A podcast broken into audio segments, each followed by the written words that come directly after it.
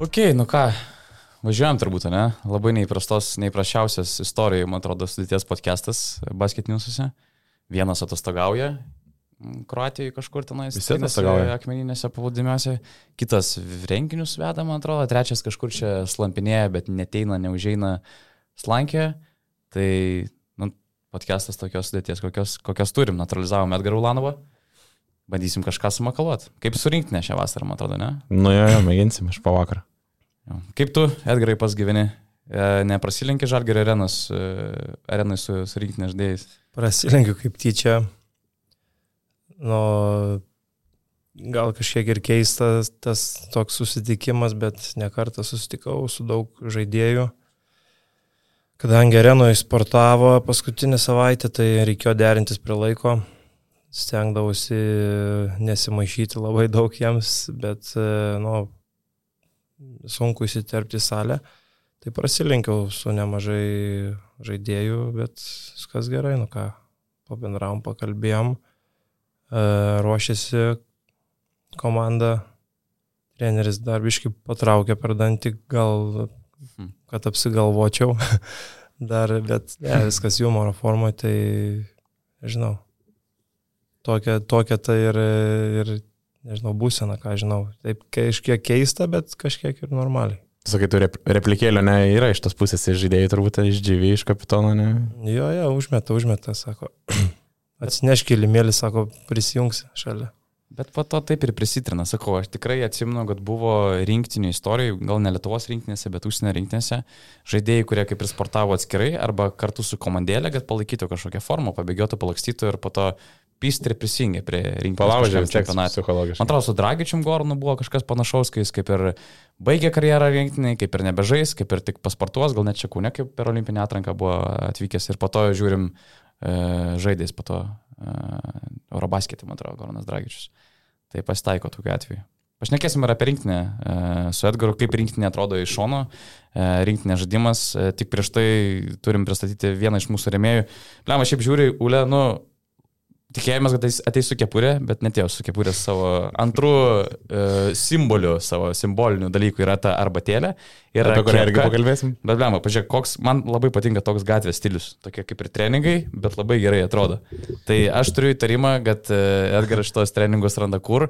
Bolzy. Bolzy. Bolzy.eu, gautų vieta e, gatvės e, sporto visokiems rūbams, avaliniam, pripažinsiu, esu girdėjęs apie brandą, bet nežinojau apie jų e-shopą nieko, atsidariau e, bolzy.eu puslapį.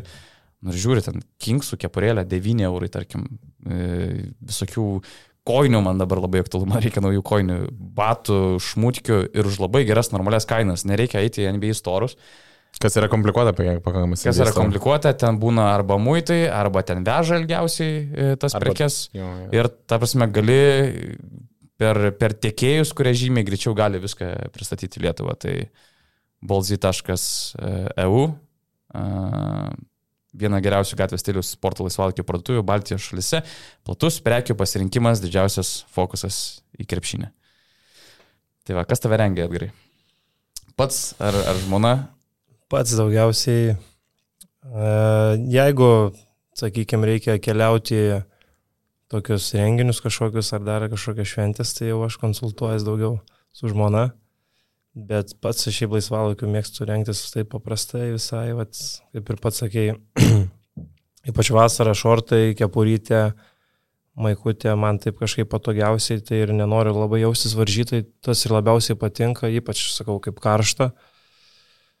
O, o visi kiti dalykai, kur jau tenais tokie išeiginiški drabužiai, dar kažkas, tai jau aš konsultuojas daugiau su, su žmona, kad, kad netrodyčiau labai jau jokingai, nes, nes pats įsivaizduoju, nelabai ne, ne tą turiu skonį gerą. Šiaip jos visai ta mintis, kad per LK uždarimą, nu visi atrodo, nu, neprigaištingai, atrodo, kai nulieti, žinai, nebent kažkas būna iššaukiančiai ateina. Arba dabar atsimenu ir tada arba nėra problemų jokių dėl stiliaus. drabužį, jo, drabužį trūko. Tai. Biškai trūko spinta, jie. Yeah, yeah. Tvarkoju, ką žinau, apie rinkinį pradedant galim nuo karščiausias tos naujienos, ne? Du žaidėjai paliko stovyklą. Uh, tau pačiam Edgarai buvo nuostabas dėl... Mes, mes galim pasakyti nuo savęs, aš irgi taip dėliau, žinau, kad bent keli žaidėjai paliks.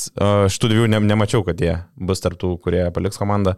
Ir Dažukauskas ir Gėlą turi minėti. Jo, jie paliko, bet man visiškai kitoks buvo spėjimas. Aš galvoju, kažkas bus iš priekinės linijos, bet dabar viskas aišku, kodėl, nes Ažalo tabelio situacija dar sprendžiasi, kaip ten bus, apie ką galėsim paskui pakalbėti. Ir, ir, ir Eigir Dažukauskas toj linijai trečių, ketvirtų, kur atrodo, nu, sakykim, tas yra daug kitų opcijų vietoj jo.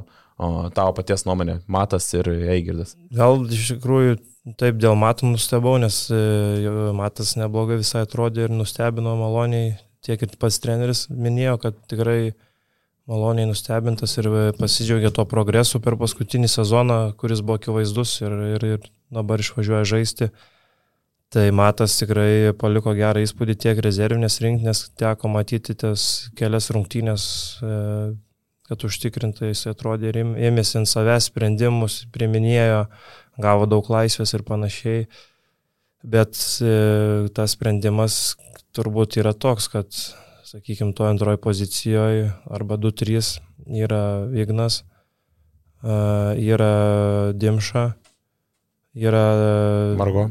Normantas ir tikriausiai dabar dar yra Sirvidis, grinai išreikštas metikas, turbūt treneris galbūt sakykime, tas sprendimas yra ant to, kad išreikštas metikas turėtų būti galbūt dar vienas tarp gynėjų linijoje. Vėlgi nesakau, kad čia jau galutiniam dvyliktukė yra Sirvidis, bet manau, kad ypač žiūrėjus vakar rungtynės, kad buvo ir derinių sužaista ant Sirvidžio, kad išsimesti tuos metimus, tai manau, kad turint Eimantą Bendžių irgi, kuris yra metikas ir Sirvidis turbūt du geriausi metikai rinktiniai, tai manau, kad tas ir yra motyvas, kodėl Matas šiemet turėjo palikti ir galbūt tuo pačiu Reigirdas, nes e, turint Eimantą tikrai gerą metiką ir e, va dabar Davidas dar yra. Tai tikriausiai tokie ir būtų pagrindiniai motyvai, kad nori turėti e, užtikrintus metikus. Mane tik gal nustebino šitoje situacijoje, kad dažniausiai, kai kažką atkabina, nu, pažiūrėjau, Igordas Žukauskas, nei jis žaidė daug, nei jis labai įsiskyrė, bet mato situacijoje, tu E, matai žaidėjai, žaidė ketvirtą kėlinį su gruzinais, pataikėte per rankas per šiangelį svarbų metimą, likus dviem minutėm iki rungtynių pabaigos, dar buvo tas patbekas e, ketvirtam kėlinį, kur, kur žmogus gauna labai daug atsakomybių, kaip ir Edgaras sakė, labai daug laisvės ir atrodo, nu, turbūt dar jis prates savo kelionę, žinai, ten gal dar vieną savaitę, nebūtinai pateks į dvyliktuką, bet dar gaus šansų. Tai aš kai, e, kai atėjau irgi spaudos konferenciją, paklausyti, ką nusprendė Maksytis, tai, nu, nustebau kad jo gėlą taip anksti e, atkabina, bet, nu, čia turbūt grinai kolektyvo, to personalo, žinai, e, atmetimo būdu e, padarytas sprendimas. Ir labai aiškiai, kas jis pasakė, kad Matas buvo metamas ne į tą poziciją, į tą pirmą jis buvo stumiamas vis organizuotą žaidimą, o antrą, trečią kaip ir užkalta viskas, ką mes ir ką Edgaras paminėjo.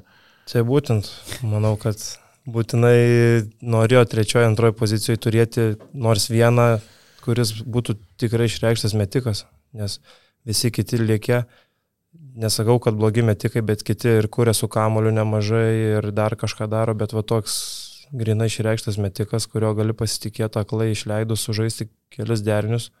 Manau, kad čia yra pagrindinis motyvas ir, ir kaip sakė treneris, kad čia grinai taktinės kažkur dar kažkokios pusės yra, kur pasitarta su treneriu štabu, kad kokios stiliaus būtent reikia žaidėjo arba žaidėjų, kurie yra likę ir ten matoja tas perspektyvas geriausiai. Jo, nes po šitų atsisveikinimų dabar liko 15 žaidėjų ir taip dėliojant ir projektuojant tą visą sudėtį atrodo, kad 10 žaidėjų yra aiškių ir kokie 5, nu, man, pavyzdžiui, nuomonė ten kovoja dėl tų dviejų vietų, tai gynėjų grandyje, sakykime, Sirvidis ir Gedraitis dėl tos pasnės vietos kovoja, o polėjų tai Tarolis Maldūnas ir, ir Tubelis šitie trys žaidėjai į vieną poziciją, o daugiau ten likęs dešimtukas kaip ir aiškus. Tas dešimtukas būtų kas? Jokobaitis, Jokobaitis Kariniauskas, Dimša Normatas, Brasdeikis Kuzminskas, Bendžius Sedekerskis, Valančiūnas Matijūnas. Taip, tas dešimtukas, aš manau, čia jau viskas užlokintas. Logiška tikrai, manau. Ir dabar vėl turbūt dėl ko ir dubelis dar lieka, kad jie net negalėjo turbūt apsičiupinėti visai, nes e, kaip aš matau, kad tikriausiai kaip reikėtų to trečio centro, tokio, kuris galėtų pasiūlyti kitą gynybą negu Donatas ir Jonas. Mobilus centras, kuris gali susikeisti arba išeiti agresyvų, ten, sakykime, stepautą, tai Maldūnas, Tarolis, nes ir Tarolį bando penktų pastatyti.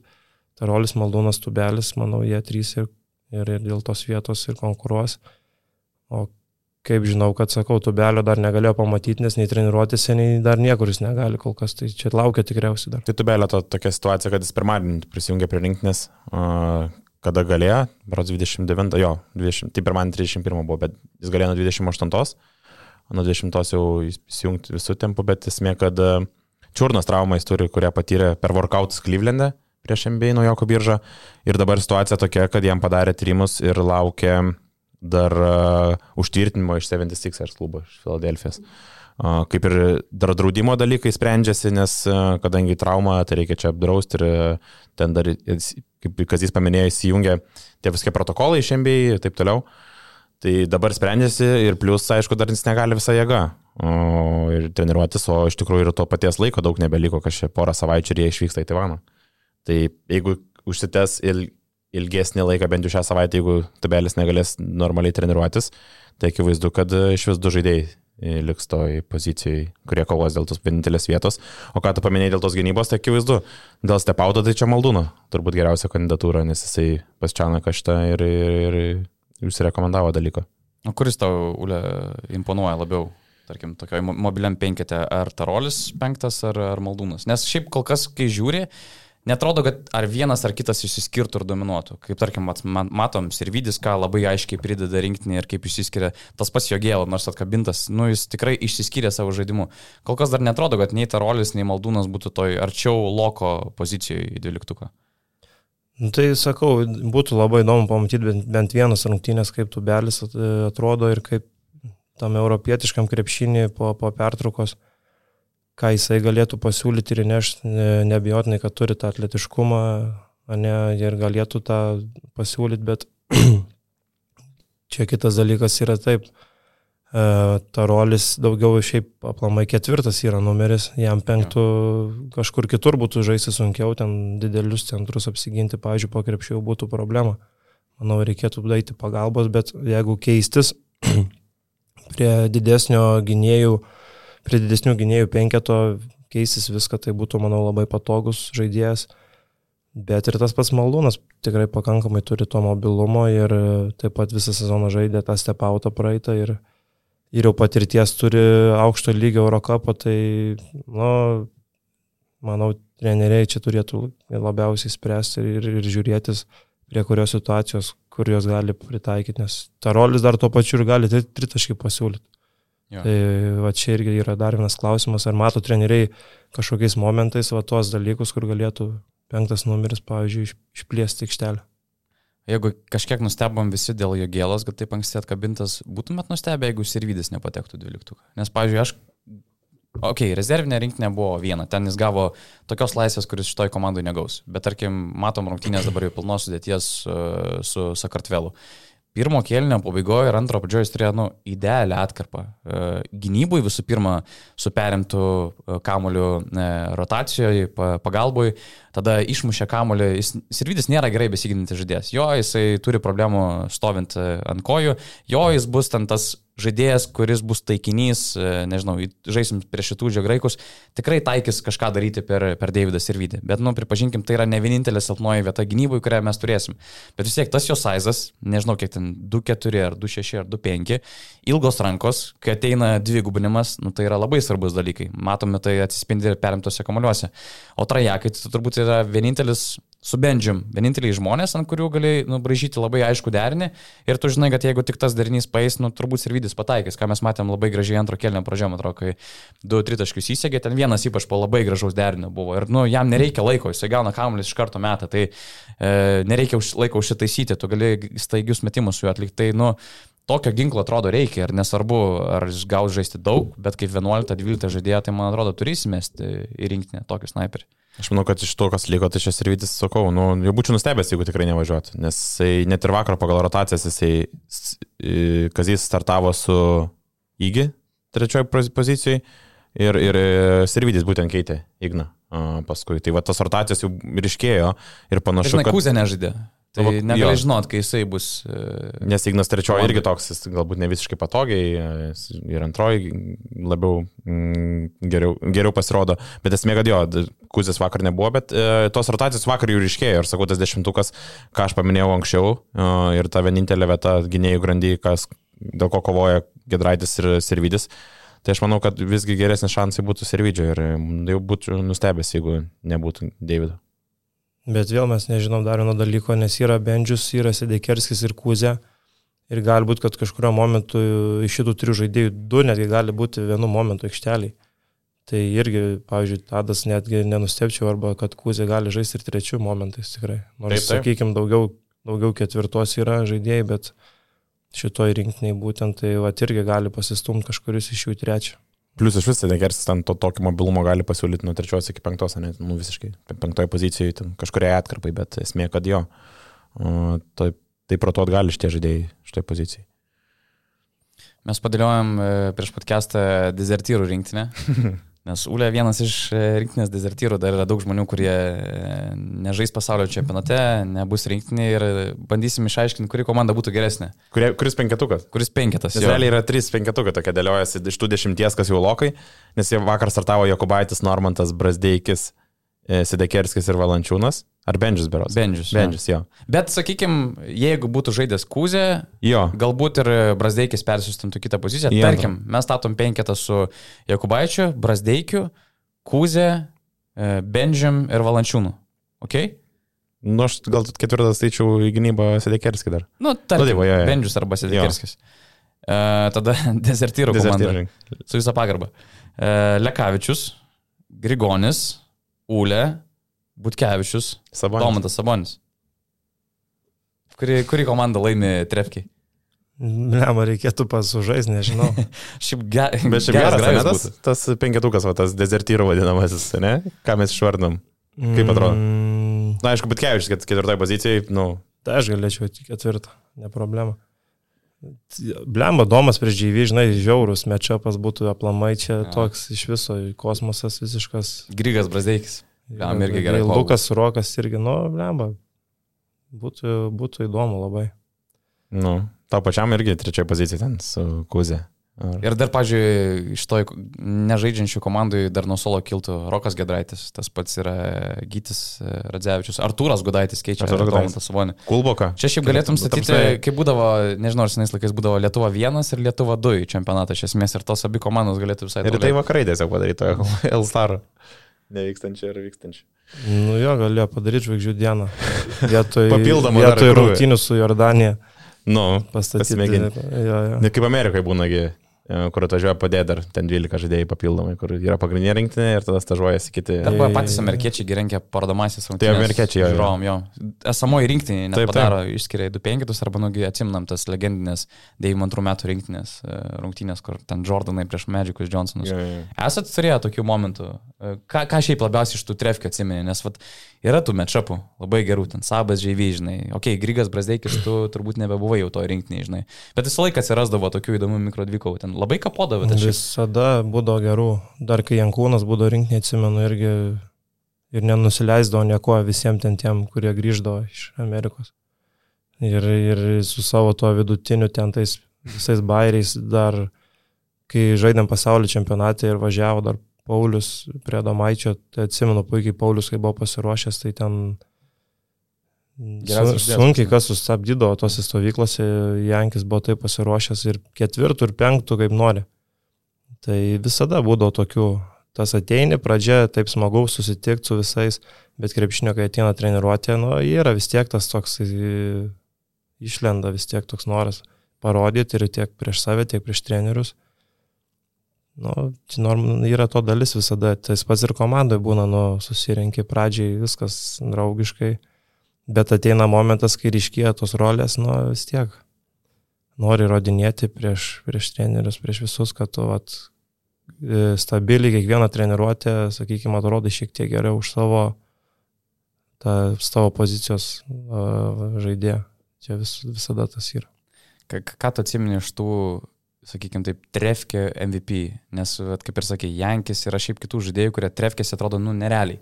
Ir nebūtinai, kad jie kažkaip negali rungtynėse pasižymėti, bet tiesiog taip sutampa ar mečapas ar kas, nes aš nesimenu, ar su tavim šnekėjom, ar su Kongo, pažiūrėjau, Kevinau labai gerai atrodo uh, trefkėse, kaip toks dominuojantis vos nežaidėjas. Atsiminė tokių, vat, tref, trefkė MVP, kurie, nu, nebūdavo po to tarp rinktinės lyderių kažkur čempionatuose arba, nežinau, žalgerio komandai. Nu, sunku vėlgi pasakyti, sakau, nes tu kiekvieną treniruotę naują yra diena ir tu vėl kažkas vyksta kažkos netikėtų. Tai vat, būna visada kažkoks 11, 12, viena treniruotė, dvi treniruotės gerai atrodo. Nu, čia taip ne, nėra, kad būtų visada viskas vienodai. Nėra visada, kad ta pati komanda, sakykime, ten žali prieš baltus. Nėra, kad visada laimi ta pati, vis tiek ateina kita treniruotė, kitos sistemos vieną dieną užtaiko geriau, kitą prašiau, tiesiog žiūri kaip į bendrą vaizdą, aplamai sudėjus, ne pagal kelias treniruotės nenuspręsi, bet aš taip neįskirčiau, kad kažkoks vat yra, kad treniruotėse labai gerai, o po to rungtynėse prašiau, nes aš manau, kad vis tiek treniruotėse tu pagrindą užsidedi savo rungtynėm po to ir jeigu tu gerai jausies treniruotėse, tai ir varžybas nusineši tą patį. O Atsimeni, kuri arba žalgerio, arba rinktinės komanda daugiausiai muždavos per trefkę. Pavyzdžiui, būdavo, buvo tokių sezonų, kur ir tas muštynės nėra blogas dalykas, kiek yra, nu, tekę girdėti, tas pats Olimpiagosas, nu, kai, kai šnekėjom, kai atvažiavo į Kauną dar prieš Final Four, sako, nu, pašnekėsim, kai baigsiu karjerą apie tai, kas vyko Olimpiagose, nes, nu, sako, ten kosminės istorijos, kaip jie mušasi, kaip liekėsi, nes ir labai lygus penketą ir kovoja dėl žaidimo laiko ir taip toliau, ir tai nereiškia, kad kažkokia bloga atmosfera komandai, tiesiog yra konkurencinga aplinka, sakykim taip. Atsimeni, būdavo, kurios būdavo labiausiai muštukų uh, komandos, kuriuose esi žaidęs. Nes ir aš dar norėjau įsiterpti dėl to tokio, žinai, kaip būna tas krikštas, tas įsimintiniausias pirmasis e, krikštas rinktiniai, kur tu nudegė, ne prieš kai akistatoj. Mm. Tai va čia prie tų muštukų galbūt e, toj konkurencijai, kas tau tipo, irgi buvo iš tų momentų, kai tu prisimeni tikrai, va, šitas mane pastatė į vietą jau atvažiavusi rinktinį pirmą kartą. Mm, apie rinktinę kažkaip nežinau, nu, būdo, nu, sak, pirmais metais aš kai nepatekau, tai aišku, buvo pas mane Kūzė, buvo Mačiulis, aš dar buvau debutantas, tai sakykime, pradžioj stovyklos jie kažkaip vėliau pasijungė, tai ten man viskas gerai sekėsi ir po to, kai jau jie sugrįžo, tai iškart sunkiau pasidarė, nes, nu, vis tiek žaidėjai aukštesnio lygio buvo ir, ir daugiau patirties turėjo visko, tai, nu, jie duodo pamokų, aišku, visiškai skirtingi du žaidėjai.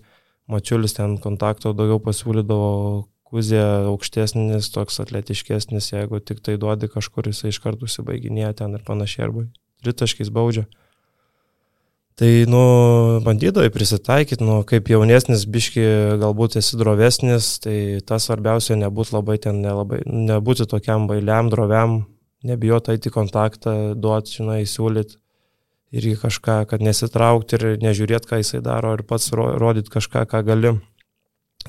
Tas galbūt labiausiai būna naujokam rinktinės. Tas drovumas toksai kažkoksai galbūt per didelis pagarbos rodimas, sakykime, nu, kuris aišku turi būti, tu negali visiškai ties iš karto rodyti savo ego ir panašiai. O kas liečia dar tokių, tai atsimenu, nu, Grigonis su Volkupu, puikiai atsimenu, kaip e, tie metai buvo ir kaip jie kovodavo, tai, nu, krisdavo ne tik jie dviesi ir dar kokį šalia, kas stovėdavo, tai krisdavo visi ant žemės, jeigu jau jie ten kažkur susistumdo, ten kažkur kovoja dėl kamulio, užkliūna viens už kito, tai dar užkabina dar tris kokius šalia žmonės irgi iš paskos. Tas pats pernai Kevanau su, su Šmitu, ypač pradžioj sezono, nu, nei, nei tik velniškai būdavo nu, smagu iš tikrųjų žiūrėti iš šono, kaip jie vien su kitu kovoja. Taip nervuojasi, treneriai duoda jam kovoti specialiai leidžia biški nešvariai pažaisti dar kažką, kad būtų lengviau po to rungtynėse, nu, būdavo kovos, įspūdinga žieta, būdavo jau ten ant tiek kontakto daug duodavo, kad eina savo, bet, bet gale vis tiek priveda prie ko, nu, lengviau žaisti rungtynėse. Bet aš galvoju, ir stebint pačiam mane, irgi tu pats užsikuri nuo tos kovos, ką jie padoda, kokį toną užduoda ir kitiem, ne? Jo, tai aišku, sakau, būni susinervuoji, kažkur tave pastumė, kažkur to padavė taip, tada susinervuoji, juk bėgi atgal irgi nori duoti ir tada toks persidoda iš komandos į komandą. Daug būdavo iš vis dar anksčiau, atsimnu puikiai, kai ateidavau į žalgirių treniruotės, kaip Lavrinovičiai žaisdavo irgi, kaip jie per treniruotės irgi. Aš tik ateidavau realiai padėti jiems, nes žalgiriui priklausydavau, bet ne, nebuvau komandai, bet aš atsimenu, kaip jie irgi žaisdavo ir, ir duodavo pamokų tiem visiems irgi jaunesniem ir Delašas ten būdavo žalgi ir dar ir Kūzė ten, nu, ir stuodavo viens kitą gint mūro. Nu, kažkaip tokie epizodai po to pamatai, kad kažkaip net ir treniruotėse randi to gero dalyko, nu, malonaus, pykčio kažkokio arba dar kažko noro įrodyti, kad, kad net ir per treniruotės randi to, to dalyko, kad ne tik per rungtynės, kada jau reikia labiausiai, bet ir treniruotėse tą ugdai savo. Bet iki tokių fizinių kažkokių neperėjimų, kad jau, jau, jau, jau, prasme, jau duosi per ausį nebuvo, ne? Ar būdavo? Kad, ne, muštinių tai treniruotėse, bent jau aš kur esu buvęs, tai iki muštinių to neteko matyti niekada kad jau ten muštųsi per treniruotės. Reikėtų bėgti skirti visiems, kad jau ten taip, iki kažkokių konfliktų žodinių, ten dar kažką yra pasitaiko, bet ir tai retai. Ja. Lietuvių žaidžia su Suomiais penktadienį. Išvykai, varysi pati Suomiją, ne? Ne. Kitas važiuoja. Lukas Kitėlis. Turim dar kažką apie Lietuvos rinktinę šiaip pasakyti. Labai anksti. Ta, pamin, ta, ką paminėjai, viena iš tų vyrukų, kurie labai gerai atrodydavo treniruotėse, bet galbūt nepasirodydavo, taip sakykime, nes, nes, neskryzdavo mečapai rungtynėse. Paulius Jankūnas vakar buvo vienas A, iš trijų žmonių, šitai. kur, kuriuos pagerbė e, federacija. Tai buvo jo, Jonas. Mačiulis, Mantas Kalinėtis ir Paulius Jankūnas, trys baigė karjeras. Ten labiau pagerbė ar nepagerbė? Tai va čia klausimas, aš nežinau, ar tai buvo labiau, nu, sakykim, pati ceremonija buvo pagerbimo, bet koks lygis buvo krinžo tame, tai čia yra kitas klausimas. Nežinau, turbūt daugelis, kas stebėjo rungtynės ir dabar žiūri mūsų podcastą, matė, apie ką aš mes tai blogai Rėminto Maikio dar nesu matęs. Jo, ir kokybė kokia buvo ten, to viso, man tai buvo netikėtina. Nu, absurdas, absurdas. Dvi iš trijų Maikės buvo tiesiog Kalnas beveik sukritus ir ten mes tikrai bijom, kad jeigu pakels kažkas taip tam e, tą rėmą visą, atrodo, kad sukris ją pačią kalną. Jo, būtų horizontaliai, jeigu pakelės. Mačiuliu irgi tokie biškiai striža, tai Jankio, vienintelio Jankio Maikė buvo. Ir mačiau Žalgeris, kur kėlė, kad pagerbė čia mūsų iškis, jis dėjo tik tai Paulius Jankūną priartintą nuotrauką, nes fone matėsi kalną. Šiaip netikėtina, kaip, aš suprantu pačią idėją, viskas gražu. Bet va, kas tenka girdėti iš, iš tų užkulisių, iš tų koridorių, kad nu, labai vėlai buvo sugalvota šitą padaryti. Ir uh, pati ta idėja gyvendinta kaip idėja, bet jos kokybės, tarsi, joje, kokybės nerasta. Aš manau, kad ir pačiam, patiem krepšininkam, nes iš tų videlių matas ir kai buvo nemalonu ar kažkaip, nu, kaip ir gražu tave pagerbė, bet pamatai, kokiam tai lygiai yra. Ir, nu, krinčas buvo maksimalus. Man žiūrint buvo tiesiog apmaudau už tos krepšininkus, nežinau, už Kalną, už, už Mačiulį, už Jankūną viskas tarkoje buvo ta maikutė, bet sakau, man tai buvo tiesiog, nu, biškai gėdas jausmas tikrai buvo žiūrėti iš šalies. Jo. E, dar man buvo truputį keista, kad galbūt nesugalvojo Hebra labiau pagerb galbūt počius su Balčiečiu, kurie buvo rungtynės irgi pirmos eilėse. Vis tiek yra tai, kada lietuviai turim NBA čempionus. Ir pocius su Balčiečiu yra, man atrodo, antras ir trečias Lietuvė NBA čempionai, nes pas Drasdis kaip e, komandos skautas Dalase dirbo 2011 metais, kai jie tapo NBA čempionais. Tai nu retai, kada mes turim lietuvius laimėjusius NBA ir dar, kad jie atvyktų į vienas rungtynės, į vieną areną, didžiausią e, areną Lietuvoje ir Lietuvos rinktinės rungtynėse būtų.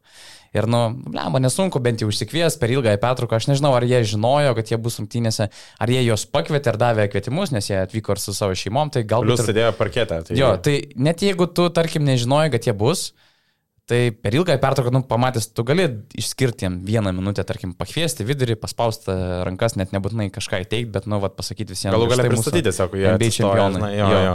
Arba pristatyti per kubą, nu, čia pats paprasčiausias būdas. Paprasčiausias, tai... jeigu tu net. Čia tiesiog reikėjo noro galbūt. Uh, esmė, kad jo. Plus galų galia, žinom, kaip federacija visus apdovanoja, tai visus į kairę į dešinę. Na, tais diplomais dar gal. Tais diplomais. Jo. Ir... Tai va čia pritruko šitiem žmonėm, aš manau, jie tikrai nepasigėdo dėmesio, bet bū, galima juos tiesiog pristatyti, pasidžiaugti visais kartu. Tai šito tikrai. Jo, tai daug keistų dalykų šią vasarą vyksta aplink. Daug, rinktinę. iš tikrųjų, jo, aplink rinktinės e, tą stovyklą daug darosi dalykus. Nežinau, apie panevežį. Panevežį girdėjom pokalbį. Na, žinai, mes galim pasakyti, nes girdėjo tą pokalbį labai daug žmonių. Ten, tarkim. Jo, esmė, kad po rungtinių tik nuėdėjo finalinis šilpukas ir uh, įprastai ten būna migzonas. Uh, pro kurias e, žaidėjai. Įprastai žaidėjai pasveikina su varžovais, padėkoja, pamojoja fanams, eina link rūbinės, link rūbinės sustabdo jos žurnalistai, ką nori pasišnekinti. Ir Ten užtrunka 3-4 minutės ir jie eina į rūbinę, trenerio kalba, nu ir tada ten treneriai įspūdos kompas, žaidėjai kol persirengia, eina į autobusą, prie autobusą pasifotkina ir grįžta į viešbutį. Paprastai tokia būna tvarka. Ten buvo... Ten tvarkos nebuvo absoliučiai. Ten buvo chaosėlis, lengvas iš pradžių suleido ten ar jaunimo rinktinio žaidėjus kažkaip. Kažkokias dvi komandas jaunimo, merginų ir vaikinus įsileido. Jie pradėjo fokintis su pagrindinės komandos žaidėjais. Tada mačiau tiesiog, man sunku atsiminti, kas nebuvo, nes aš pats jau laukiau žaidėjų ir tiesiog mačiau daug fanų. Tada tie fanai norėjo fotkintis, selfiai, parašai. Tai kol iki mūsų jau priejo komanda, ten praėjo gal 15-20 minučių, mes ten pralaukėm. Tada su mumis dar kažkas pasikalba. Ir, nu, kol visi nuėjo į rūbinio, treneriai seniausiai laukia. Tai po to prieš spaudos konfą girdėjom, kad Valančiūnas tėviškai taip pasakė, kad, nu, taip būti nebegali ir sako, nu, yra, turi būti paprasta tvarka. Po rungtynių mes einam į rūbinę, jo žurnalistams sakė, kad... Duoklė žurnalistams ir paskui Jo. susirinkimas turi būti laiku, nu, Ir su reikia- fanais prie Ne- autobuso. ir prie- Jeigu jo. ten kažkas būna. Įprasta praktika, man atrodo, ir toj pačioj Taip, taip, NBA ir, taip. ir, ir, ir visur. Gal, galų galia čempionatas taigi irgi buvo. Po rungtynių visi pramig zoną 10-15 minučių pokalbėms, Jo. tada susirinkimas ir po susirinkimo jau ten turbūt einant į autobusą ar, ar kažkur kitur, jau fanai gali prieiti. Esmė, kad va, šitos tvarkos trūksta ir čia yra šitos naujos federacijos, kažkaip ir tos naujos rinktinės kartos, uh, sakykim, tas atspindys, kad dar daugelis nežino, kaip viskas turi vykti. Nes esmė, kad uh, ten kiti vyresni žaidėjai, pavyzdžiui, ten Valančiūnas, tai kalbinis, ateis į konferenciją, pakalbėsi, žinai, ir jis nestoja. O ten, nu nežinau, tie žaidėjai, kurie dabar ten naujai debutantai ir taip toliau, kurie kabinasi tą rinktinę, jie nori bendrausią žiniasklaidą ir daro tokia meškos pas- paslauga, nes jie nori bendrauti, gauna dėmesio, bet ir nežino tų atsakomybių visų, kad turim greitai, žinai, susirinkti susirinkimą. Tai va prie to priveda, bet čia, manau, visiems pamokos geros ir manau, kad čia vėl dar vienas pavyzdys, kaip Jonas tvarko tos reikalus už aikštelės ribų, kad jisai pasiema, uh, nežinau, ten turbūt Kazys neprašė, kad mes, kad Jonai išstok, nes mes ilgai laukiam. Jonas pats pamatė, tada nežaidė, panevežį. Bet Ir šiaip čia daug statė viską į vietas. Bet žinai, mes tokie biški krepšinio gurmanai, mes irgi prisipisinėjom prie lygių dalykų, ten kaip pagerbė, kokį ten pristatymą padaro, nes mes pripratę. Žalgeris va išlepino, padarė aukščiausiam viską lygį ir mes to tikimės iš kitų. Rytas pradėjo irgi labai pakėlė tą Taip, lygį taip, taip, pristatymą ir taip toliau. Ir anksčiau rinktinė ir federacija iš tikrųjų darydavo tokius fainus, e, simbolinius dalykus, žinai. Ir mes tiesiog pripratom prie gerų konkursų tarp minutės pertraukėlių, tarp kažkokių gražių pagerbimų, kažkokių simbolinių gestų. Bet iš kitos pusės, nu, reikia pripažinti, kad, nu, federacija irgi turi persiplėšti, nes dabar jų žmogiškiai resursai sutelkti U20 merginų čempionatą, kuris vyksta Klaipėdai. Te- Ten didelis fokusas yra ir tenais. Ir tiesiog čia yra tiesiog žmonių, mano akimis, trūkumas, kurie sklandžiai pasirūpintų dalykais, kad ten, tarkim, kamulio netrūkstų žaidimo konkurso metu. Kur reikėtų Reikia kad- mesti krepšį ir ten tiesiog įsivaizduojamus kamuolius metę e, į krepšį. Arba tiesiog Chebra. vidury aikštės lieka, ten, nežinau, kažkokia paklodė, apklotas e, kažkokia remėja ir e, Sakartvelo žaidėjas paima, su, sumaigo, perdada, numeta, nes trūksta tiesiog iš- išteklių. Ir kaip tu žiūri, iš šono taip, tai krenta į akis, nes tu esi pripratęs, kaip tu sakai, prie tų aukščiausių standartų, kuriuos iškėlė tiek žalgi, nu, klubinis krepšinis, rytas, e, bet ta pati ankstesnė federacija tikrai viskas būdavo aukščiausiam lygiai. Dabar trūkumai matosi ir jie labai darosi akivaizdus, nes jie kraunasi į vieną tokį bendrą visumą ir e, dėl to labai e, mes labai pastebim šitos. Jo, jo, tai sakau, man atrodo, viskas, viskas čia bus ok, čia mes pastebim tos dalykus, jie yra paviršiai, bet svarbiausia, kad rinktinės darbo proceso tai netrikdo. Ok, čia buvo ta situacija su Rūbinė, bet kiek girdėjau, nu, kol ten yra, šiaip yra personalas milžiniškas. Ten, tarsi, kai pažiūri, eina Kazis Maksvytis koridorium ir už jo juodom maikėm apsirengę asistentai personalo nariai. Ten bent dešimt narių. ten kaip kokia, nežinau, muzikos grupė, kaip apsauginių komanda, žinai, ir ten, nu, kol yra Židrūnas Vilenčikas, kuris rūpinasi ten tokiais ūkiškais rinktinės dalykais, ten jokių problemų nėra, viskas suorganizuota iki, iki pat idealumo, kur žaidėjams nereikia sukti galvos. Tai bent jau ką girdėjau, tai tikrai žaidėjai komanda nejaučia kažkokių nesklandumai, pereitų ir tą pusę, ir čia yra svarbiausia, visa kita, žinai. Ir mes biškai įsipisinėjom, ir federacijai trūksta žmonių, nes vyksta merginų čempionatas Klaipadoje, tai, tai žodžiu. Ir Vilniui. Ir Vilniui. Ja, tai žodžiu, viskas, viskas yra ok. E, Prieš einant e, prie Žalgrio klausim reikalų, aptarsim Žalgrio komandos komplektaciją ir vienas dalykas, kuris man atrodo buvo neatsiejamas praeitą sezoną su Žalgrio komanda ir ypač Edgaru Ulanovu, buvo ta arbatėlė, garsioji arbatėlė su egzotiškais podeliais ir taip toliau. matęs klubas.lt, tai ne tik e, matęs arbatos ir jos aksesuarų elektroninę parduotuvę, bet ir bendruomenė, junginti matęs gerbėjus. Ir man atrodo, Ulanovas sukūrė, užkūrė tą visą bendruomenę, nes kai tik uh, Ulė pradėjo uh, promint visą šitą reikalą, arba tiksliau rodytis, ir mes, kai apie tai garsiai pradėjom šnekėti, atėjo matęs klubas.lt ir kiek girdėjau, Karolis irgi pasakojo, kad ten išlavė tas visas prekes. Iki šiol, sako, sunku kartais būna rasti tų prekių, nes ant tiek yra didelė paklausa. Tai, Tai čia mūsų įtaka. Mūsų Ulės. Ulės, Ulės. pirma, taip. Mūsų, Bet ir paskui mes Kaip ir, pagarsime. kaip, ir, kaip ir mūsų dalis. Taip, taip, taip. Ir tada mūsų pri- prisidėjo reklama. Jo, jo, jo. Šiaip tai Ulė turbūt geriausias ambasadoris, kaip netapai dar... e, Tu ir šiaip tau a, nuo pardavimų kažkokį procentą skiria turbūt. Mm, reiks kalbėti. Okay, kas Reiks kalbėti skirtų. dėl Nes antro lygio remimo. kaip suprantu, nemažai ir e, iš krepšinio žmonių už- Ne, išinfluencinai. stengiuosi užkurti vis daugiau. Kažkam, kažkam patinka. Šiaip pas mūsų komandų yra ne vien tik žaidėjų iš trenerių štabo ir gerą arbatą. Uh, šiaip pagrindė argentiniečiai geri, tai jeigu turi argentiniečių komandoje, tai tikrai, kad greičiausiai, kad jisai irgi... Kampazo, Vildoza būtų. Jo, Grino turėjo? La- Lapro. Ne, tu nebuvai. Lapro Vitola tikrai geria. Lapro visą laiką dar ne. Jo, jo, tai rolas irgi va, rolą bandžiau užkabinti, visai geria visai kitus lietuvius, biški. Bet svarbiausia, kad patys labai taip, nereikia daug įtraukinėti. Ką tu čia geri, ką tu čia geri, kas čia yra per dalykas ir panašiai klausė. Tada papasakoji, ten ritualai yra visokie, visa kita. Tai kažkaip susidomi, pabando nusipirkti žmonės, pabando visai patinka, tai sakau, skonio reikalas. Bet vat, Karolis, žinau, irgi mėgsta atsigert, jam patiko visai. Šiaip yra smagių ritualų, galėsiu papasakot visai. Kokių ten jau būna visai geras laiko praleidimas. Ta prasme, ritual čia kažkur bendruomenėje ar kažkur? Ne, aš, esu, aš nesu jokioj bendruomeniai, bet šiaip yra, pavyzdžiui, sako, nu, susirenka kompanija, atsineša tos du podelius arba vieną ir tu išgeri tą savo dozę arbatos, tada įpili kitam ir siunti. Čia kaip Lietuvoje, kaip Lietuvoje suka butelį, tai čia žmonės tiesiog taip arbatą susėdė geria ir bendrauja. Okay. Nu jau. Nes tu kaip minėjai, mes prieš tai esam kalbėję, kad šitas, šitas dalykas savo pakeitė kavą, ne? Tu visiškai dabar kavos nebegeri. Ne, nebegeriu kavos. Visiškai kavos pakaitalas gavosi.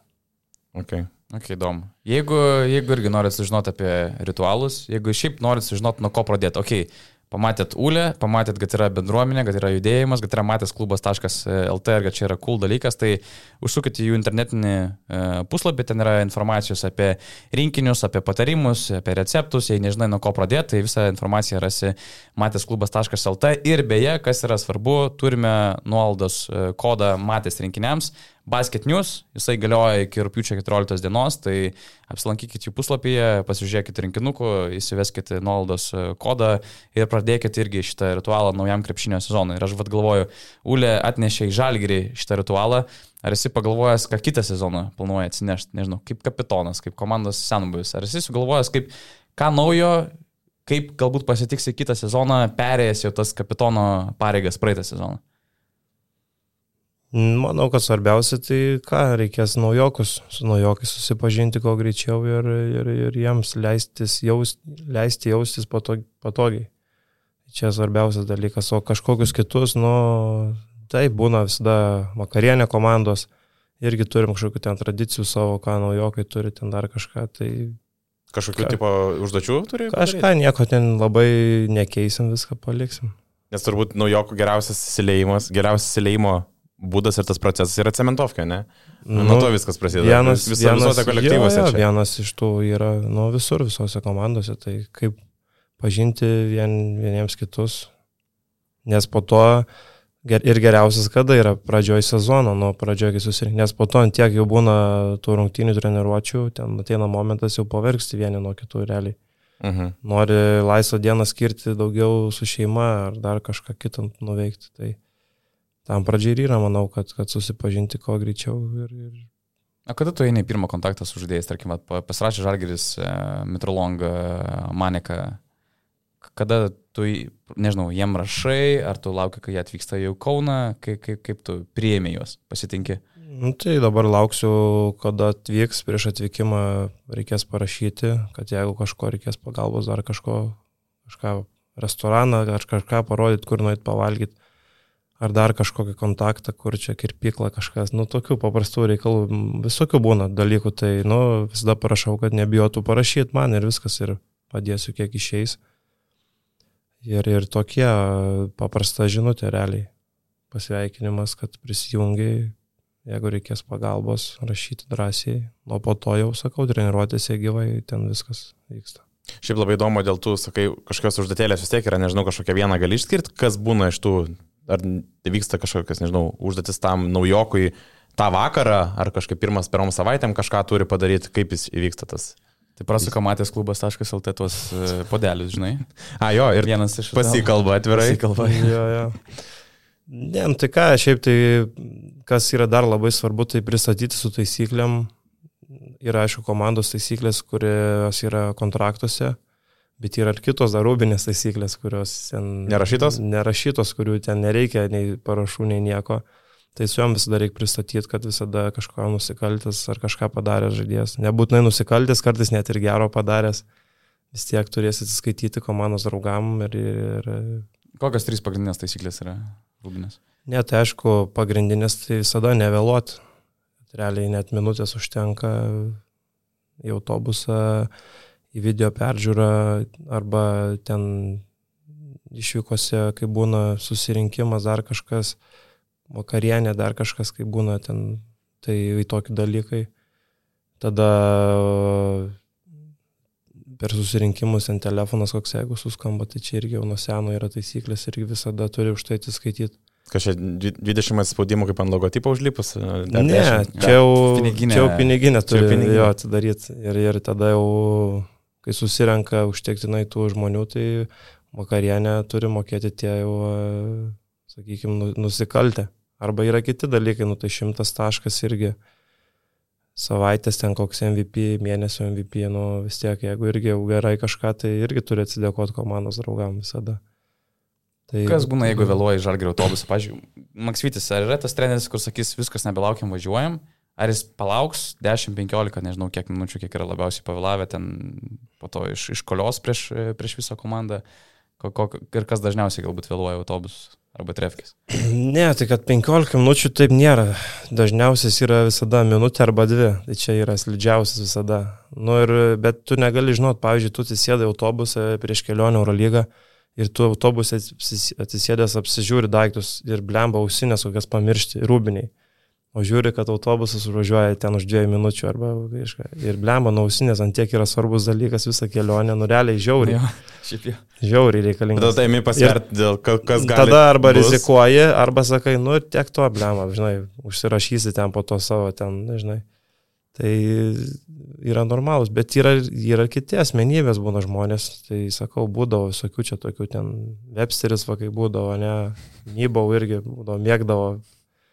Tiesiog tokios asmenybės, kurios, nu, visada kažkiek nepasiskaičiuoja laiko, arba pasiteisinimai kažkokie vėl prasidėjo jokingi, bet realiai, nu, viskas, jeigu pavėlavai minutę, turėsi atsiskaityti komandai. O kas čia sekretorius, kas supildo ar jie patys? Ar O palieka? žinokit, sekretorių tai laukia su laikrodžiais pilna. Pilna, tik, tai, tik nusiženg kažką, tai visi greitai.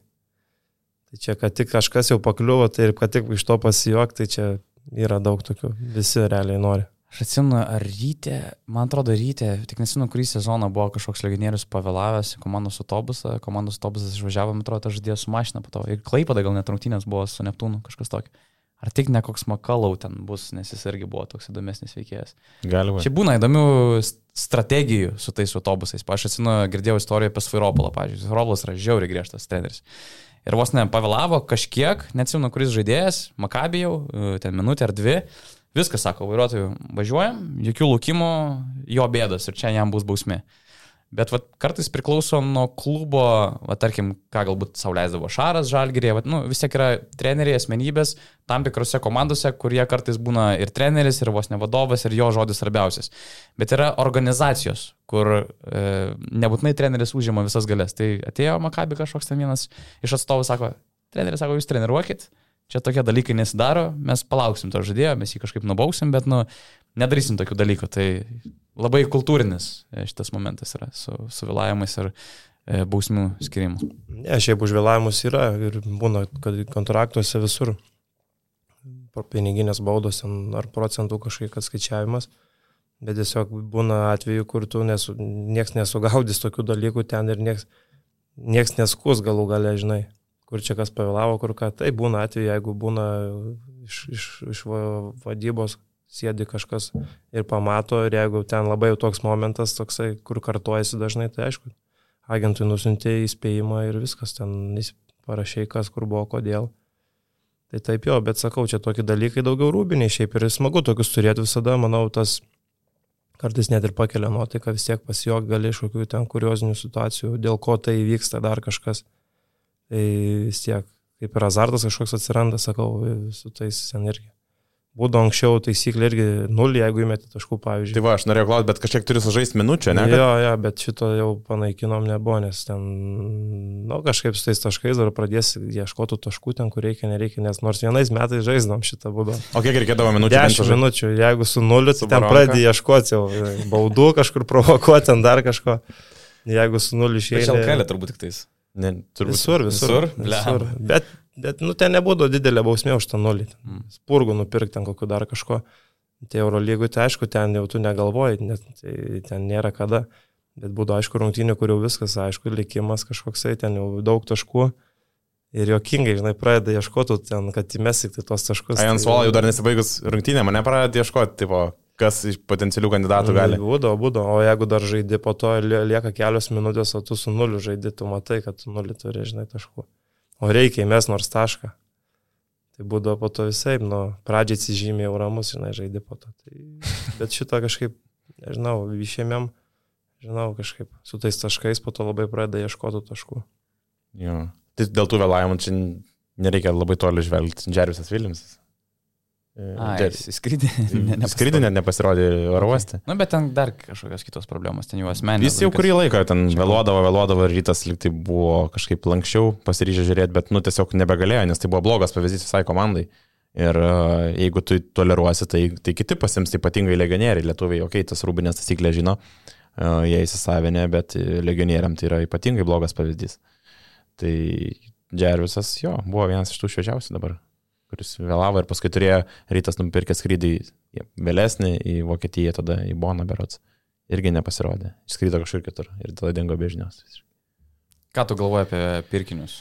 Manikas, Mitrolongas, kas tau labiausiai patinka iš tų ėjimų? Palauk, pas mumis kiek čia dabar? Trys nauji žaidėjai ir keturi, kiek čia gaunasi. Tai Manikas, Mitrolongas, Lavrinovičius. Ai, Danielis, jo. Trys. Nėra daug, labai mažai.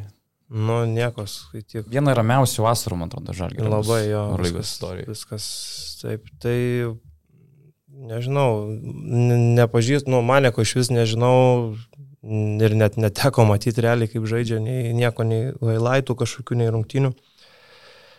Tai su Milu žaidė, jisai kažkelias. Kalbėjai su Milu kažkiek? Jo, šiek tiek paklausiau. Nes, pažiūrėjau, ką tu darai, ar žiūri highlightus, ar tu bandai pasižiūrėti galbūt rungtynės, ar vaskambini iš karto kažkiam pažįstamam draugam, kaip ten su juo buvo, kas per žaidėjas, kokį, kokį skautingą pasidarai. Nu, jeigu žaidės prieš tą tikrą žaidėją, tai aišku, nieko daug nereikia, tiesiog esi matęs. Nu, Mitrolongas, pažiūrėjau, viskas labai aišku buvo. Ne? Jo, Mitrolongas aišku, tai viskas aišku. Nu, kaip ir aišku, ką turėtų duoti komandai. Tai tritaškius, ne po driblingo, tritaškių šiai metimų, sakykime, kas buvo ne visada, bet kai kažkokio momentu, kad strikdom su tritaškių pataikymu. Ir kitas dalykas, e, ko dar iš jo tikimasi, aš galvoju, kad vėlgi to sukūrimo ir kitie, kitiem kažkiek, bet, sakykime, Milanė to jisai neturėjo, jisai buvo grinai ant savęs žaidėjas toks daugiau, kuris savo kurdavo. Nes būdavo mums rungtynių, jeigu mes iki 10, pažiūrėjau, asistų padarom per rungtynės ir labai sunku da laimėti būdavo. Nu, realiai viskas įvaido aiso ir sprendė vienas pats reikalus. Tai... E, o girdėjai apie jo charakterį kažką, nes jis ne, atrodo sveg, žinai, turi tokį. Pojūtį kitokį. Ne, ne, nieko net neteko girdėti. Žinau, kad Ignas, nes kanadiečiai tai mm -hmm sutarė. Plius ir Domo reakcija buvo Sabonio irgi į jo. Longą, tai ten ne vienas. Tai manau, kad čia buvo klubo irgi kažkiek konsultuotasi su, žinai, kažko, arba galbūt ir su iš Milano, kurie buvo yra. Bet aš tik tai spėju, kad šiaip natūraliai būna taip, kad pats pasiklausė ja. ten, sakykime, Deiviso kokio arba Pangoso. Jo. Tai galimai galėjo tai būti, tai jo charakterio savybių tikrai nežinau ne vieno. Kitas dalykas, vėlgi, tu susidarai kažkokį paveikslą apie tam tikrus žaidėjus, bet kai atvaro treniruotės, pamatai procesus, visai pamatai kažką kitą. Tai nu, čia labai sunkus yra dalykas, kai, kai tu žaidi prieš ir matai, o kai ateina pas tave ir kaip reaguoja tavo aplinkoje, arba kai turi prisitaikyti prie mm, šitos komandos žaidimo, visai būna kitaip. Tai ką jisai, aišku, abu du šiaip žaidėjai pasiūlys tritaškį, tai čia net nėra jokių abejonių, Manikas iš vis, va tiek girdėjau ir, ir, ir Milas sakė, kad tikrai labai solidus metikas. Tikrai gali gerai pataikyti. Didelis, vėlgi, taip, ten bus kažkokie vėlgi akcentai kiti, ten gynyboje klaustukas kažkoks, bet, nu, sakau, tu rask dabar. Ja, ja, rask, rask, rastų, kad, kad tritaškį pataikytų ir gerai gintųsi, nu, arba ir, ir verštųsi, ir mestų. Ir, nu, tai visi turim stiprybės, visi turim trūkumus, tai čia visiškai normalu. Nu, O, o Danielius, tai ką, nu, tikimasi, manau, kad ką jisai su savo noru ir energija įneš, įneš į pūstą gūsį ir, ir, ir sulauks savo šansų, kur galės pasirodyti. Nu, tai va, čia tas ir yra. Trys ir naujokai. Čia, manau, didžiausias klausimas, kaip pasiteisins tas brandolio išlaikymas. Nors mm. aš esu irgi už tai. Olimpiakos pavyzdys, sakykime, mane irgi tenai praeitą vasarą buvo labai tokia Bet kas liečia mumis, mes turėjom daug labai permainų ir tas irgi pasiteisino. Tai pats klausimas čia. Nors manau ir, ir viliuosi, kad ypač sezono pradžiai labai tas turėtų padėti. Mhm. Apie tą brandolio išlaikymą iš vis, aš galvoju, kai įsiskirsit po sezono, koks buvo pojūtis, tarkim, dėl Evanso ir dėl Brasdeikio. Ok, Evansas labai anksti, sakykime, įsipareigojo, ne, čia paskelbė viešai iš pradžių per Izraelio žiniasklaidą, kad aš nu, tikrai tas, liksiu. Jis, ne, nu, a, jis davė interviu, ne? Jo, jo, kur sakė, kad aš tikrai, nu, liksiu, norėčiau lyti. E, bet turbūt daugiau klausimų buvo dėl Igno. Koks buvo bendrai pojūtis Rūbiniai, ar jau įsiskirsto tikrai nebepasimatysit, ar visgi buvo kažkokių tokių užtikrintumų, kad Ignas gali grįžti? Ne, tai viskas aišku buvo su daug žaidėjų, viskas buvo aišku, kad kuris išeina, Karolis išeina, ten tas išeina, kažkas dar išeina, Rolas prasitėsi, Kevarius prasitėsi, su visais, žinai, geros vasaros pasimatom vėl, susitiksim. Dėl Kinano aš kažkaip buvau ramus, nežinau, aš taip, mm, gal taip ir tikėjausi, kad jisai iš tikrųjų liks, vad galbūt dėl ko tai dėl Ligno labiausiai buvo, kad jisai galėtų nelikti, nes žinant, manau, ir jo ambicijos vis tiek, jo ambicija šiai dienai greičiausiai yra grįžti į NBA. Tai yra čia, tai ir tada tu nežinai, kaip pasiseks tenai. Ir tuo pačiu neaišku, kas gali vykti čia šitam Eurolygos turgui, kur vyksta irgi visokie dalykai, kas gali ką sugalvoti ir, ir, ir manau, kad ramiai atsirastų komanda, kuri galėtų paimti.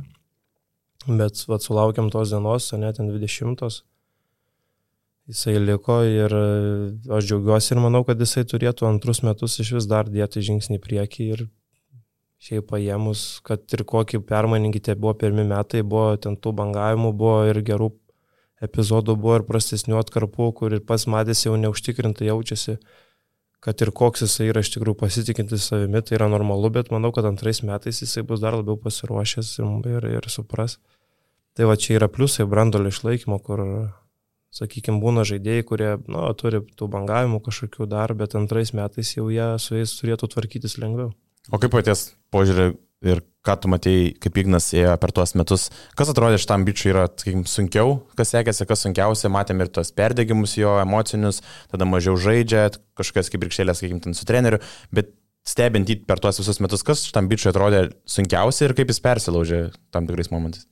Nu, kas, manau, sunkiausia tai buvo, kaip jūs sakau, tas perdegimas, dėl ko jisai yra, nu, paforsuoji kažkur kažką nori siek sužaisti gerai, padėti komandai, tada nepasiseka, treneris turi priimti sprendimus, dar kažką. Mažiau laiko atsiranda, trys rungtynės pamažiau žaidžia. Tada dar kažkokie dalykai gynyboje, vėlgi kažkas Pradedi vėl viską nuo nulio, treneriai pradeda reikalauti, pradėk nuo gynybos, ramiai, ten, ten susirasi momentus, ten tuos dalykus. Tai viskas yra normalu, tai tokie dalykai juos reikia išgyventi ir suprasti, tu atėjai, sakykime, MBA žaidėjas, atvažiavai į Europą ir aš net nebejoju, kad dauguma tokių, kurie atvažiuoja arba grįžta čia, sakykime, galbūt tikisi, kad viskas bus lengviau kažkiek. Čia yra normalu, bet kai tu po to pamatai, kad čia visiškai nevelnio nelengviau, čia reikia prisitaikyti prie visai kitokių dalykų, kurios, kur tau atima viską, visas stipresias pusės, tau gynybos ateina pagalbos po du, po tris žmonės. Tai Igno buvo tas procesas ir nebuvo jisai lengvas ir jis nebuvo, nusištruko kažkiek, kuriem reikėdavo nusimesti perdavimų daugiau, dar kažkokių primti sprendimų, kur po to sezono, jeigu jisai jau tuos pradėjo daryti dalykų žymiai geriau. Tai va šitie dalykai jisai žinos šiemet. Ir, nu, aš net nebijoju, kad šiaip, jeigu kalbant apie Europą, tai geresnės vietos negu čia, tai jam net ir nebūtų buvę, iš tikrųjų. Nes jisai, jeigu vėl būtų nuėjęs, vėl pas kitą trenerį, ir vėl jam kažkokius pradėtų įpaaišinėti naujus vėl dalykus, vėl kitas kažkokias sistemas, taktikas, o čia jisai žino trenerių, rinktiniai žalgerį panaši sistema realiai žaidžia. Tik tais, nu, reikia prisitaikyti, sakykime, prie centrų, kur žalgerį kitokio šiek tiek plano. Bet sakau, kad čia liko jisai, manau, jam bus geriausias tikrai išeitis. Šiaip galvojamės, biški gal net per griežti Brazdeikio. Aišku, yra kiti dalykai, jo kontraktas ir tada kokie yra lūkesčiai su tokio kontrakto žaidėjui, tokio biudžeto komando kaip Žalgeris, bet iš esmės, nu, mes jį matom po padidinamojo stiklu, mes galim ginčytis dėl jo metimų selekcijos, dėl jo tritaškių pataikymo, dėl jų pasisakymų, charakterio tokio išlendančių dalykų viso sezono metu.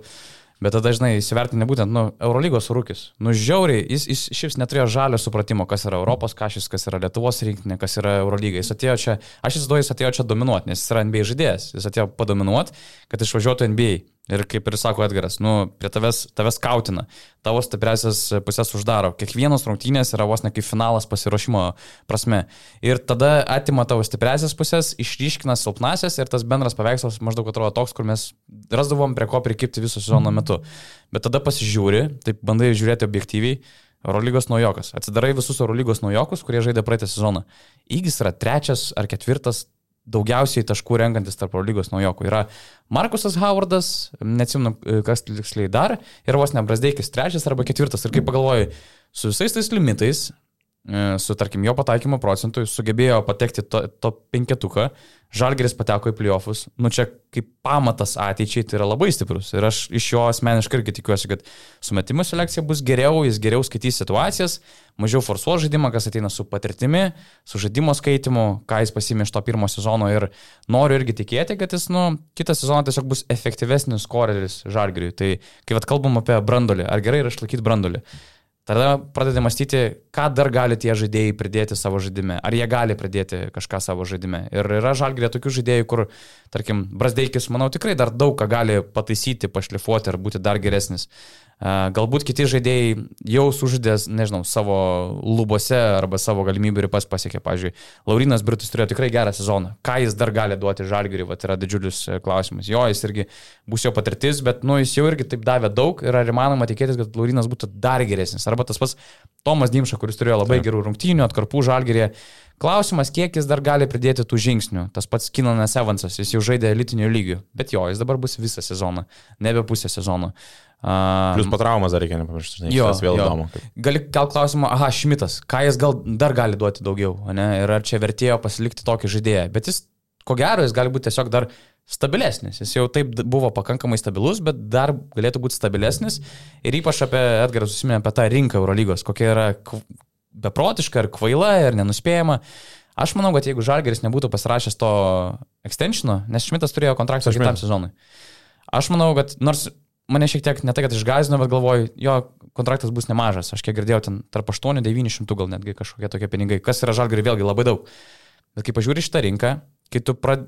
kai matėm, kas dėjosi, kai atkrito ten komandom Mirotičius, išėjo Vezenkovas, kaip visi supuolė ieškoti ketvirto, aš beveik nebejoju, kad jeigu Žalgris nebūtų pratęsęs šito kontrakto ir įsidėjęs sąlygą, kad tu negali, nu, nėra bajauto šį sezoną, jį būtų tikrai kažkas išpirkė. Makabis, Olimpijakosas, Partizanas, ypač jeigu lygiai būtų išės, tikrai jį būtų kažkas pasiemę. Tai čia gavosi ir ką tada darytų Žalgris už žemesnio lygio ketvirtą numerį, ketvirtą penktą būtų turbūt permokėjęs. Nes rinka būtų gal, nemok, jo, gal nebūtų mokėjęs Šmito pinigų, bet būtų radęs prastesnę Šmito arba Stretch 4 versiją ir dar permokėjęs už tą žaidėją. Tai čia Žalgiriui gavosi, nu, win-win situacija, užbėgant visiems e, įvykiams už akių. Dar nežinant, kaip čia gali visas sugriūtas ir koks bus domino efektas, ne? Jo, jo, jo, nes domino, domino efektas baisus su tais pačiais žaidėjais, žinai. Tai negali taip sakyti, bet, nu, jeigu Evansas nebūtų gavęs traumas, nu, jo čia irgi nebebūtų, žinai. Tai... Tai daug tokių dalykų, daug nenuspėjimo dalykų ir, ir, ir jo, su to brandoliu sakau, reikia visą laiką žiūrėti, ką dar tas žaidėjas gali pridėti e, savo žaidime. Jo, tas antrųjų metų efektas toks įdomus ir, nes, ir žiūrint bendrai prasme, Žalgiris nepadarė tokių dėlių korekcijų, kažkas būtų kardinalios bendramo Eurolygos kontekste. Ir aš dabar galvoju, Ūlė būdamas komandos viduje, Kas labiausiai patinka iš tų, kas, sakykime, iš, to, iš tos komandos ir iš ko galima tikėtis to antrais metais to didesnio efekto šit, šitos komandos, ne? Kas Įgy gali, jau minėjai. Įgy jau paminėjai, mes paminėjom Dimšą, okei, okay, Evansas, žiūrėsim kaip po traumos, Laurinas turi galbūt geresnės atkarpas, turės Rolandas, sakykime, stabilumo, bet pa, pačiam, kas labiausiai patinka iš šito ir kas galbūt uh, kelia klausimų, kiek gali dar pridėti. Tai va, Donatas irgi sakė, e, kartais galvoju, ką gali pridėti, bet šiaip labai svarbus dalykas, ką gali pridėti antrais metais žaidės, tai ramybės kažkiek tais daugiau, e, svarbiais momentais tas pats Laurinas Birutis, ne daugiau pasitikėjimo, kurio reikėdavo prašyti net dažnai. Ir galvoju, kad antrais metais šit, jie gali to biškai daugiau dadėti, nes vis tiek tu jau esi komandoje, viskas tau pažįstama, sava, tu viską supranti, kažkiek, kur kaip reikalaujama. Taip, stabilumas yra labai svarbu irgi dalykas. Nu, čia gali kalbėti, pridėti kelis procentus tenais pataikymo, kelis taškus, kelis atkovotus, bet yra kitų dalykų, kur tu, kaip aš sakau, ramybė, uh, užtikrintumas, dar kažkur lyderystės kažkuris galbūt galėtų pridėti žaidėjas. Tai yra ir tokių dalykų, kur, kur iš jų tikės ir, ir, ir kad čia galėtų pasitemti. Tai vėlgi taip, rolas, stabilumas, ne, čia reikėtų ir tikimasi, kad galėtų dadėti, nes vis tiek žaidėjas, nu, dabar jau ypač atėjant sezoną, nu, jisai bus svarbiausios, viena iš svarbiausių puzlių visoje dėlioniai Tai iš jo bus, aišku, norima reikalaujama to didesnio stabilumo. Vėlgi, kas liečia Lauriną pasakiau, užtikrintumo dar kažką. Kinanas, nu, sunku apie Kinaną kalbėti, kaip jisai po traumos atsigaus, bet jau pažįstam jį kaip žmogų, kaip e, persona, kad yra viskas su juo tvarkoj. tai čia vėlgi kažkokiu net nėra jokių abejonių dėl jo tų asmeninių kažkokių kaip asmenybės dalykų, kad jisai kažkur bus blogai ar ne, nesiklyjuos. Čia viskas yra aišku, dabar kaip jis tik atsistatys, ar tik tai jisai bus sveikas ir kaip jisai galės po tos traumos žaisti. Vėlgi sunku reikalauti ir nežinau, ir logiškai iš vis kažkokiu vėl skaičiu ar dar kažko iš jo, nu, nes turim suprasti traumą, kur nežaidži krepšinio kiek mėnesių pusę sezono ir dar visą vasarą, nu taip, tu ruošiesi visą kitą, bet net ne tas pats. Tai Tomas, nu, šiaip sunku daug kalbėti, nes Tomas ir Dovis, pavyzdžiui, jie buvo iš vis ne savo rogėse dalį sezono pernai. Šiaip jo, jo. Jie iš vis turėjo žaisti pirmą numerį. Tau pačiam teko persivarnyti man. Jo, nu tai kol nebuvo Tayloro, ten tas momentas, kai Kynanas iškrito ir liko Lukas tik tai, nu tai realiai jie žaidė ne savo rogėse, jie, ne, nu, jie buvo pastatyti tiesiog iš, nu, nes nebuvo ką daryti. Tai sunku, aš įsivaizduoju, kaip jiem, nu, man reikėtų mane pastatytų ten ir kur spaudžia visą laiką, nu, nu aš netoks esu žaidėjas, man būtų labai sunku, tai sunku dėl to kalbėti, bet, bet kaip asmenybės mes juos visus pažįstam puikiai, suprantam, ypač, sakykime, žalgerių irgi ta vizija visada brandolys lietuvių. Tai, nu, kai, kai tu pažįsti tuos žmonės, kai tu matai su jais būni kiekvieną dieną, kokie jie yra, kad jie pasiryžę dėl komandos atiduoti viską. Arnas liko nepaminėtas dar irgi. Jo. Nu, kuri irgi fantastinis sezonas. Dabar trauma vasarą. Vasarą, manau, gerai pailsies, išsigydys ir, ir manau, kad gali būti dar geriau kitais metais.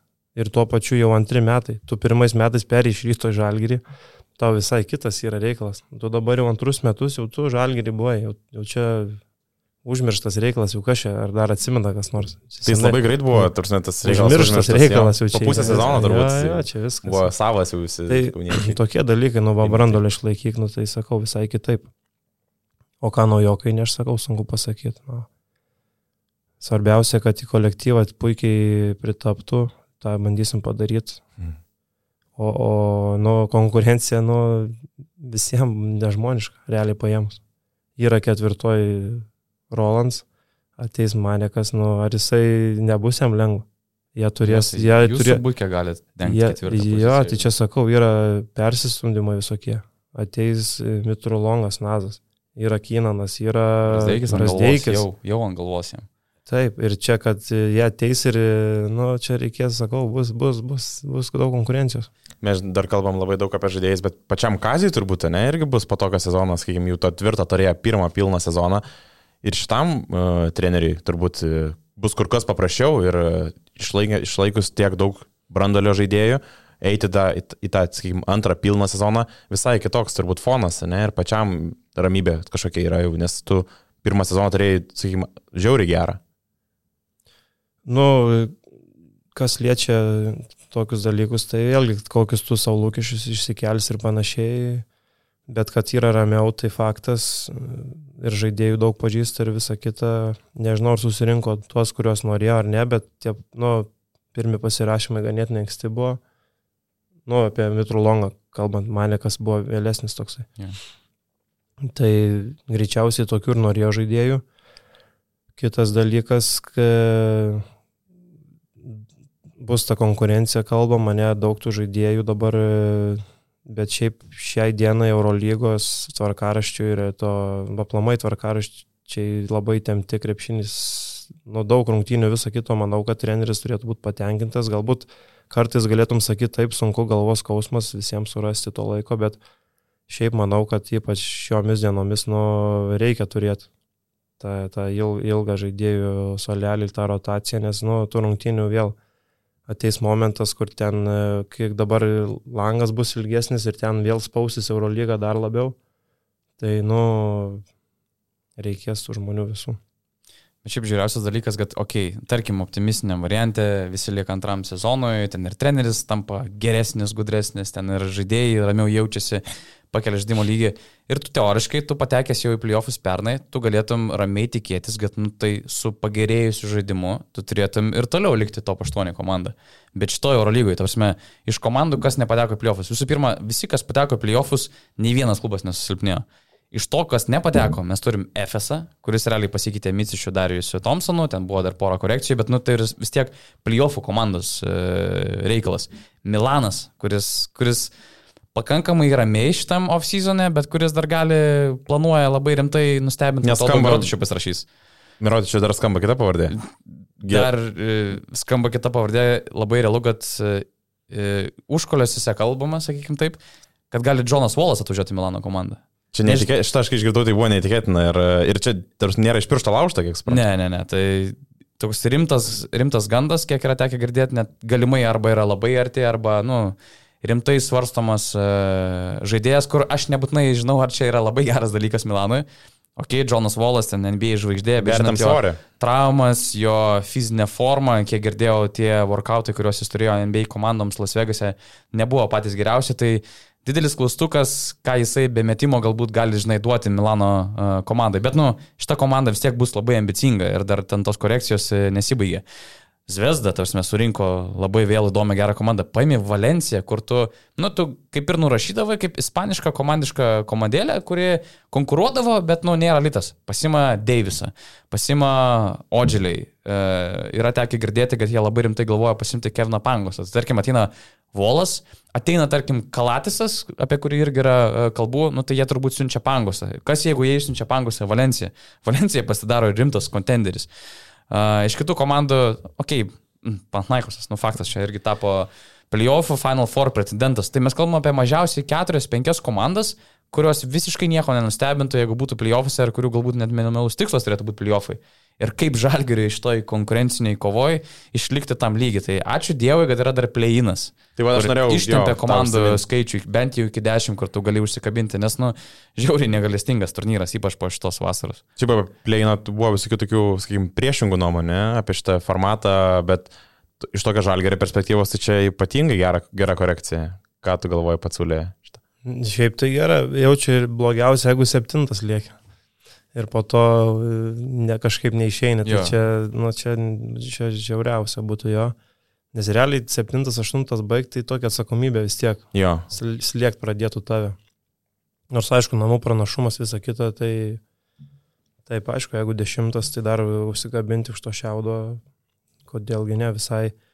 Nu ir šiaip, aplamai logiškai paėmus, jeigu 18 komandų, kaip ir sakydavo, jeigu skaičiais žiūrėt, kodėl iš 18 tik 8 patenka.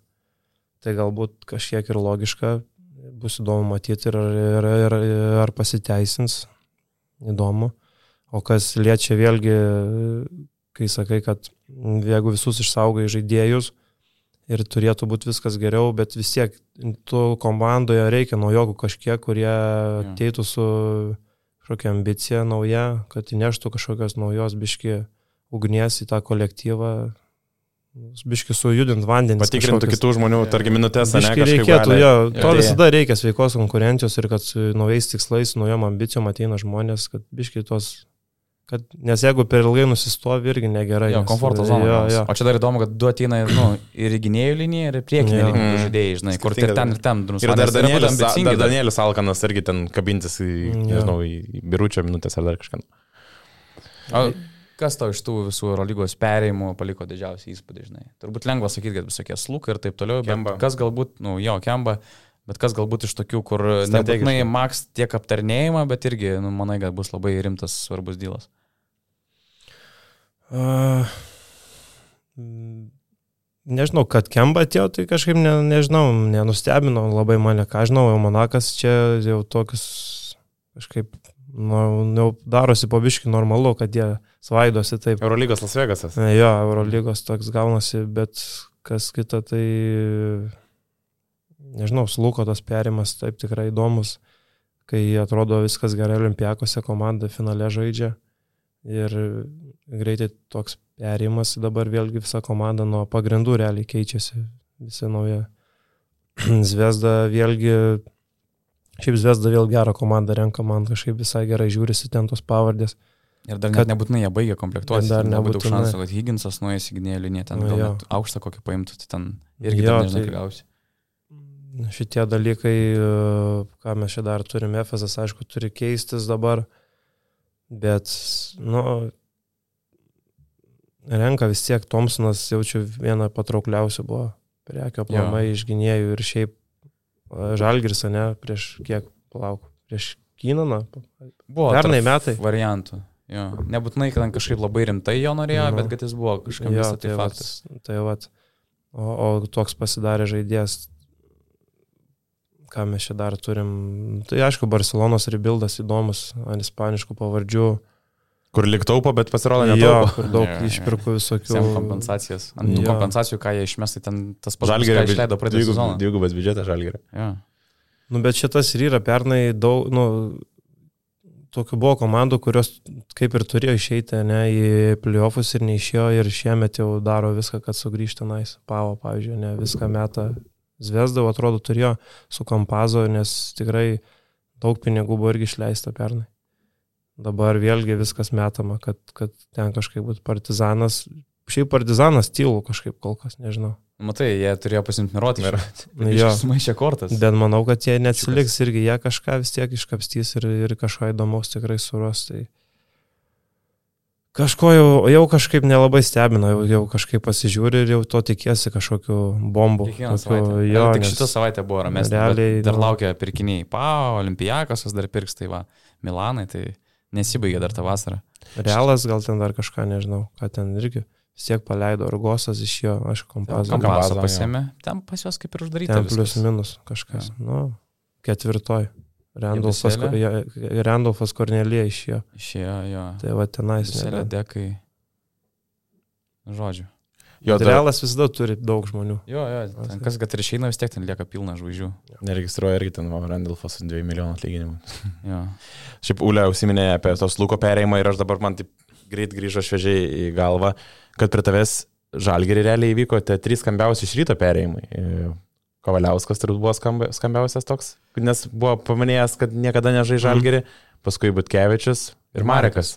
Jo. Tai aišku, kaip sakė, Gudaitis į rytą irgi buvo išėjęs. ai, priešinga pusė, jo. Ja. Ir, okei, okay, slūko ten e, situacija turbūt nu, didesnis svoris, bet tu Lietuvoje, ką tu prisimeni iš šitų trijų perimų, kai buvo iš ryto į žalgerį, koks tai buvo šurmulys, tarkim, nežinau, ir kaip komandai šitą priėmėt, ne? Nu, turbūt skirtingai kiekviena situacija, bet esmė, kad kokie tai būdavo esminiai momentai šitoj prieš priešo, kai ateina, žinai, iš kitos barikadų pusės į pas jūs. Nu tai, blema, nežinau. Pradžiai keista labai atrodo, nu, nu, bet kaip sakau, tu nekomplektuoji komandos, nu, mato ten žmonės kaip geriau. Ir e, taip tu kaip žaidėjas esi ir tu žaidi tenais prieš tos didžiausią savo tą rival. Ir iš tos emocinės arba pusės, tai aišku, galvoji, kad nu, nesąmonė, nu niekada nenorėtum, arba dar kažkas negali tai būti, bet sakau, ten šaltom galvom žmonės, kurie komplektuoja komandas, jie mato kitaip. Ir šiemet tai vėl pasikartoja Graikijoje, reiškia, tai yra neišvengiama sporto dalis, kad, kad kartais taip įvyksta, nu, spanulis tas pats perėjo. Taip įsivaizduoju, žmonės prieš priimdami sprendimus turbūt irgi juos naudoja kaip pavyzdžius. Nu, pažiūrėk, sako, perėjo ir ką. Gerai viskas. Aišku, sunku, nuo fanai ten visą kitą, aš įsivaizduoju. Prieš fanus turbūt yra daugiausia ta atsakomybė. Pats jeigu pereini, kai tu visą laiką ploji vieniem ten ir skanduoji su jais į vieną pusę, o po to, čia manau, fanam yra jau tiem ultros arba didžiausi fanai, jiems yra skaudžiausi tokie dalykai. Ir, ir va, juos reikia labiausiai suprasti. O čia yra kitas dalykas, o pinigai dar kažkas. Plus karjeros galimybės. Ne? Jo, Tokie- Tokie jo. Tai ypatingai čia buvo šansas. Čia, Tam pačiam čia sakau, Kavaliauskui, prieš Marekui. fanus ir pačių fanų būsena arba jausmas ir to žaidėjo, kuris perina prieš fanus tą atsakomybę kažkokią. Yra čia sunkiausi turbūt dalykai. Jo. Tik ką tiek šiandien gal. Turbūt. Paskutinis svarbus pranešimas, ką turim padaryti, kadangi to labiau dar čia turim uh, Ulė ir susijęs su to paskutiniu pranešimu, tai kad uh, turim masinį basketinius sandėlio valymą su atributika shop.basketinius.lt, belė kokio gerumo nuolaidos. Man atrodo, ten kažkas supirkasi apie kiam Iki procentų. 40. Iki 40 Reikia procentų. Iki 40. Aš mačiau tiesiog Karolio posterį, tą, A. kuris rėkia. Ai, va, nu, galvos galvos sėmės, negali patikėti, ant kiek geros nuolaidos. Uh, atgaivinam Lietuvos rinktinės palaikymui medaliuką, kurį aš Jo. esu užsidėjęs. Fainas toksai džempukas, turim dar maikių. Jo, E, tokio pat dizaino. Tokių su vakėdais, su medaliukais, su, su, su krepšiniais. Uh, ir Ulės ateimo į podcastą progą dar paleidom į prekybą garsiuosius marškinėlius ir džempus su užrašu nereikit ant manęs. Be kiksmažodžio. Bet irgi e, geras jau e, tas Galima signature labai daug kur pritaikyti tiesiog, nu, užsisidėti ir... Darbe, jeigu bosas Taip. reikia. Komandoje, jeigu treneris Pavyzdžiui, jeigu reikia. atvažiuoja į ofisą ir prieš karalį sėdint, tiesiog užsidėti tokį mėgstuką, nu karalį nereikia. Nu, arba prieš Miklovą. Ar apie šmėgį? Joną. Jeigu Arba jis- grįžęs paryčiais iš klubo. jo, iš karto į mėgstuką įlendi. Ir žmonai parodai iš karto. Ne, iš karto į mėgstuką įlendi ir Jo, viskas. taip. prie namų pasidėti, prie durų prieš įeinant, taip užsimeti parės.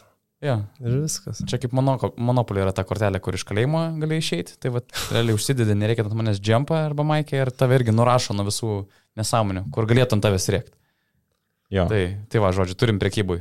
E, shop.basketinius. Šiaip tas momen- momentas labai įdomus toks. Tu, mat, tau, e, tave nustebino, koks buvo šurmulys kylęs po to tai mauta, kaip viskas išlindo. Daug, daug žmonių rašė šiaip aplamai. Daug, e, kas čia atsitiko, kas čia įvyko, kas ir kaip, ka- kodėl, kas čia, kodėl tu piktas čia toks, kodėl treneris piktas. Daug. Nu, aš, jau ant tiek man atsibodo atrašinėti realiai visiems. Tiesiog parašau, jokio kriminalo nebuvo čia, sakau, būna blogiau. Nu, realiai iš tikrųjų būna žymiai blogiau.